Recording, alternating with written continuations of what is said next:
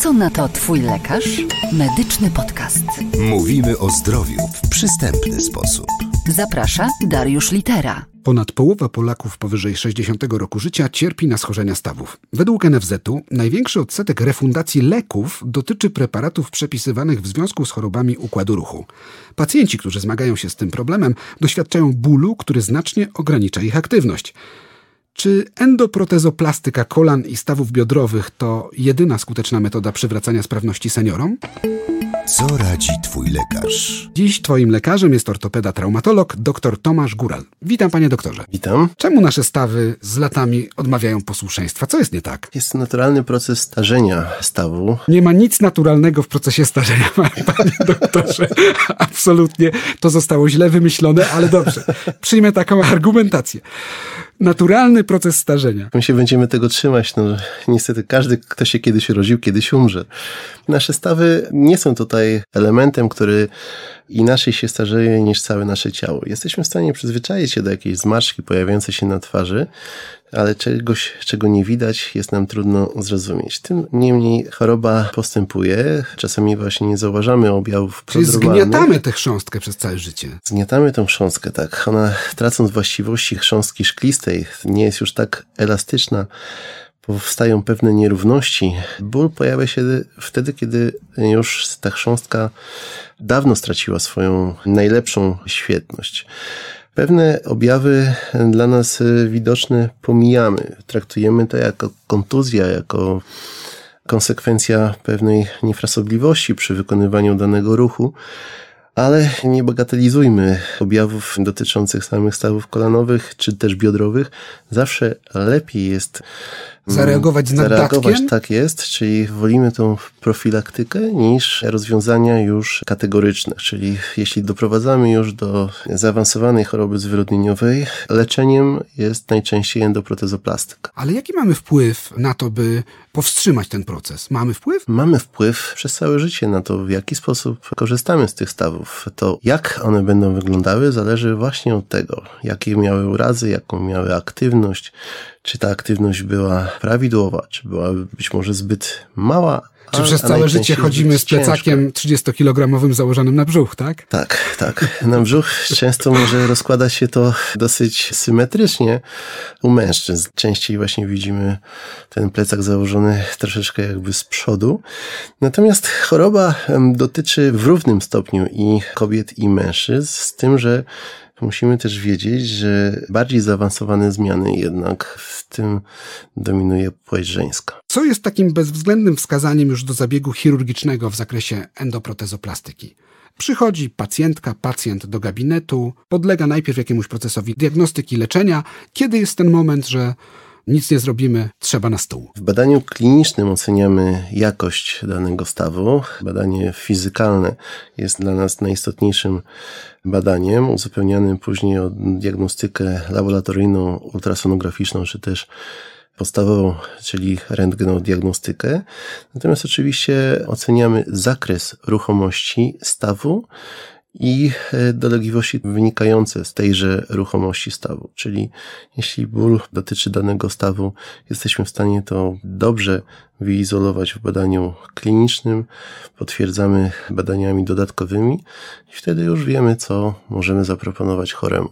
Jaki jest stopień zaawansowania jego choroby i jakie tym samym powinno być dalsze postępowanie. Ciekawe, co na to Twój lekarz? Zanim dochodzi do tego operacyjnego leczenia, mówi się o różnego rodzaju terapiach, jakieś zastrzyki dostawowe, tego typu rzeczy, które łagodzą pewne objawy. To jest jakiś taki proces rozłożony na miesiące i lata?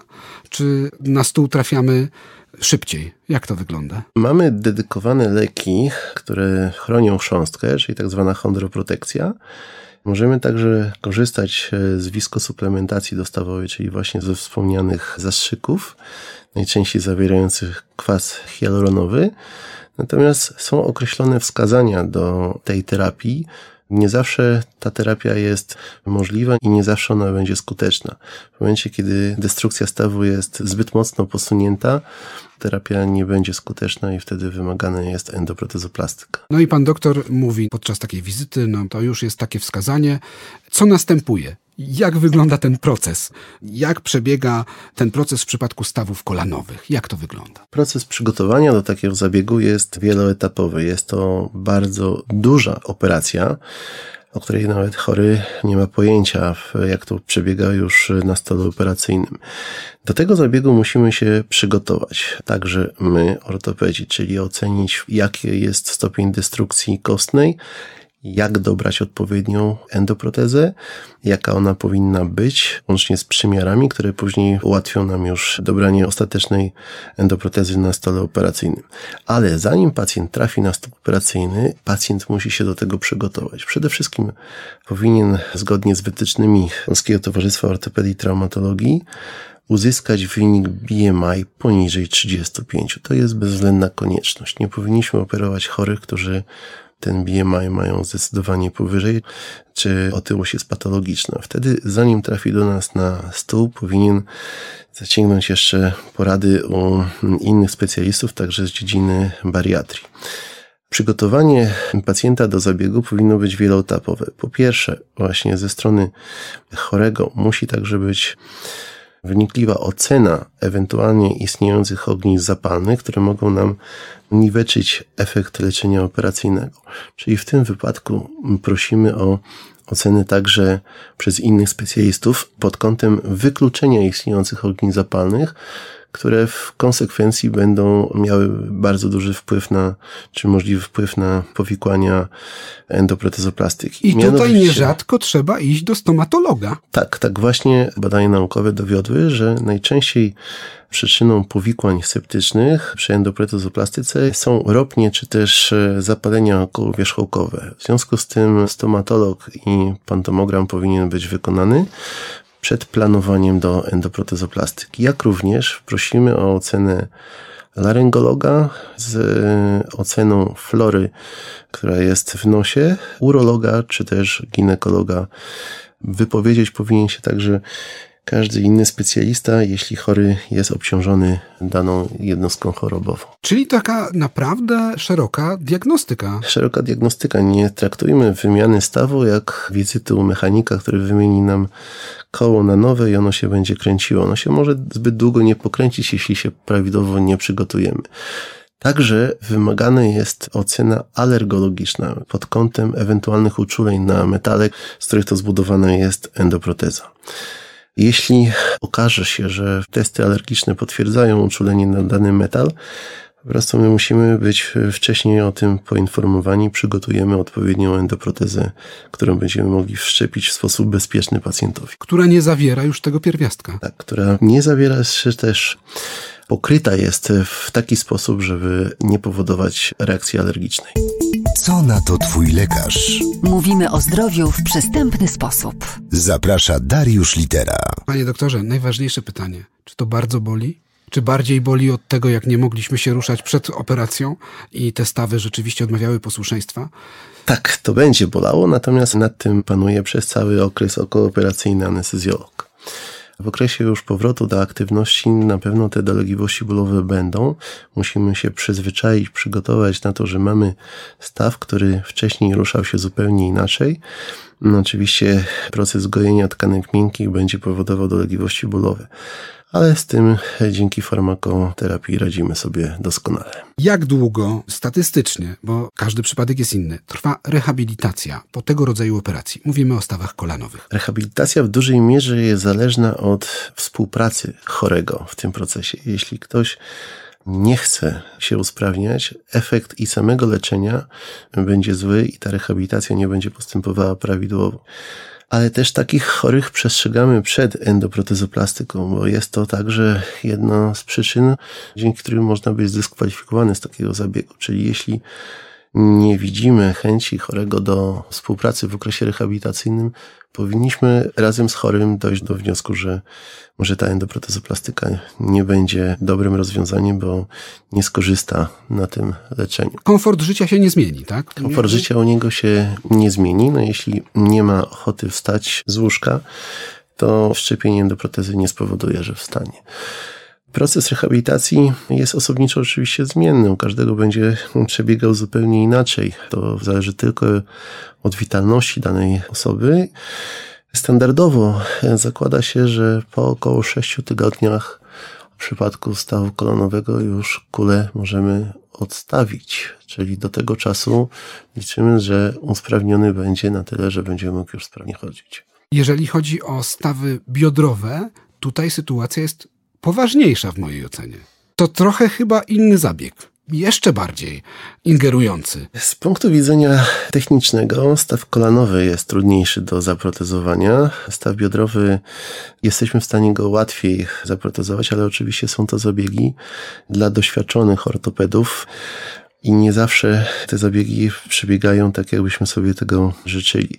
Czy jest to łatwiej? Wcale nie jest łatwiej. Tak naprawdę nie możemy porównywać zabiegów endoprotezoplastyki stawów biodrowych do kolanowych, mówiąc, że któryś z nich jest łatwiejszy. Jeśli prawidłowo będziemy przygotowani i pacjent będzie przygotowany i my będziemy przygotowani do zabiegu, ten zabieg będzie przebiegał w sposób przez nas oczekiwany. Natomiast jeśli któryś z tych czynników gdzieś nie zagra, chociaż oczywiście w mojej ocenie nie z naszej strony. Zawsze staramy się być przygotowani do zabiegu perfekcyjnie, ale może tak się zdarzyć, że wystąpią powikłania w trakcie zabiegu operacyjnego, z którymi także musimy sobie poradzić. Także porównywanie, czy to będzie do protezu stawu biodrowego, czy kolanowego, czy któryś z tych będzie łatwiejszych, z punktu widzenia technicznego są różnice, o których moglibyśmy tak powiedzieć, ale tylko w takim sporze akademickim i to tylko wśród doświadczonych ortopedów. Natomiast każdy zabieg traktujemy jako zabieg trudny. Jest to zabieg, który wymaga ujęcia interdyscyplinarnego. Będzie i anestezjolog, będzie czuwał nad procesem znieczulenia. W samą endoprotezoplastykę zaangażowanych jest bardzo dużo osób, trzech ortopedów, czyli zespół, plus do tego instrumentariusz bądź dwóch instrumentariuszy, plus do tego personel, który stoi za naszymi plecami, reaguje i pomaga, czyli instrumentariusz który nie jest, e, mówimy na to tak e, popularnie, brudny w tym wypadku, ale który nie jest zaangażowany e, przy stole operacyjnym, natomiast reaguje na wszystko to, co od niego wymagane. A jak długo dochodzi się do siebie po operacji stawu biodrowego? Mniej więcej? Mniej więcej są to podobne czasy. Staramy się, żeby pacjent już po tych sześciu tygodniach naprawdę bardzo dobrze mógł skorzystać ze stawu. Oczywiście będzie się najczęściej jeszcze asekurował laską do momentu, kiedy wzorzec ruchu będzie prawidłowy, żeby jednak ta asekuracja jeszcze była. A co na to twój lekarz? Czym różnią się obecnie przeprowadzane zabiegi od tych sprzed kilkunastu lat? Jak to wygląda? Ponieważ we wszystkich dziedzinach medycyny postęp jest ogromny. Praktycznie z miesiąca na miesiąc coś się zmienia. Słyszymy bardzo często o drukarkach 3D, o rozwiązaniach jakby szytych na miarę pacjenta personalizowanych. Jak to wygląda obecnie? To się wszystko różni techniką. Począwszy od pierwszych protez w XIX wieku, które jako ten staw zastępczy dobierały kość słoniową na przykład, no to jesteśmy w tej chwili naprawdę w dobrej, przywilejowanej pozycji. Te endoprotezy są już bardzo dobrze wykonane, natomiast Oczywiście są to standardowe endoprotezy, które różnią się rozmiarami, różnią się różnymi kątami i różną budową, w zależności od także od firm, które, które te dostarczają. I są dobierane. Są, tak, są dobierane do pacjenta, ale Często mamy także do czynienia z rozległą destrukcją kostną. Dla takich pacjentów nie ma endoprotez standaryzowanych, nie ma endoprotez, które leżą na półce. Musimy taką endoprotezę zamówić. Wykonujemy wtedy badanie nieinwazyjne, badanie tomografii komputerowej, po to, żeby zobrazować ubytki kostne i na tak zobrazowany stopień zniekształcenia dobiera się endoprotezę. Endoproteza, czyli tak zwany custom made, jest już dedykowana do takiego pacjenta. A jak wygląda sytuacja, jeśli chodzi o świadomość samych pacjentów? Znacznie wzrasta? Świadomość wzrasta. Dzięki temu także obserwujemy, że chory, któremu udało się zrzucić kilka kilogramów, on czuje się początkowo lepiej, on nie dąży do tego, żeby trafić na nas stół. To jest duży remont organizmu, o czym chcemy, żeby chory wiedział, decydując się na takie leczenie. Ale też wiemy, że to jest leczenie skuteczne. Jeśli wykorzystaliśmy wszelkie środki i profilaktyczne i leczenia zachowawczego, musimy pomyśleć o takim rozwiązaniu i decydować się na tego typu rozwiązanie. I tutaj ta świadomość pacjenta jest pewnie niezmiernie ważna, żeby dokładnie zrozumiał, co go czeka, jak to będzie wyglądać i jak będzie wyglądał proces powrotu do sprawności. Tak, to jest bardzo istotne. Ta świadomość zapewnia nam też mniejszy odsetek powikłań. Jeśli chory wie, w jaki sposób będzie zmuszony żyć po endoprotezie, będzie w stanie przygotować się do tego, będzie w stanie także przygotować swoje otoczenie, swoje środowisko, swoją rodzinę, a także takie banalne sprawy techniczne w miejscu zamieszkania przygotowuje do życia później już z endoprotezą. A co zaskakuje pacjentów podczas tego procesu? No, często zaskakuje konieczność odpowiedniego dostosowania łóżka, fotela. Nie lubimy, jeśli chory na początku siada w zbyt głębokim fotelu. Może to implikować zwichnięcia w stawie biodrowym. Chory musi przeanalizować swój prysznic, jak wchodzi do prysznica, czy często jeszcze w mieszkaniach jest wanna, z której ciężko jest korzystać osobie z endoprotezoplastyką, czy generalnie osobie z zaawansowaną chorobą zwyrodnieniową. Dlatego też patrzmy na nasze matki, ojców i starajmy się pomagać im, także przystosowując mieszkanie do zmieniających się warunków i jakości życia związanych właśnie z chorobą zwyrodnieniową. Powiedział w podcaście Co na to twój lekarz, ortopeda, traumatolog, dr Tomasz Góral. Bardzo dziękujemy, panie doktorze. Dziękuję. Co na to twój lekarz? Wszystkie odcinki medycznego podcastu dostępne są na stronie twójlekarz.net oraz na popularnych platformach streamingowych. Co tydzień nowy odcinek.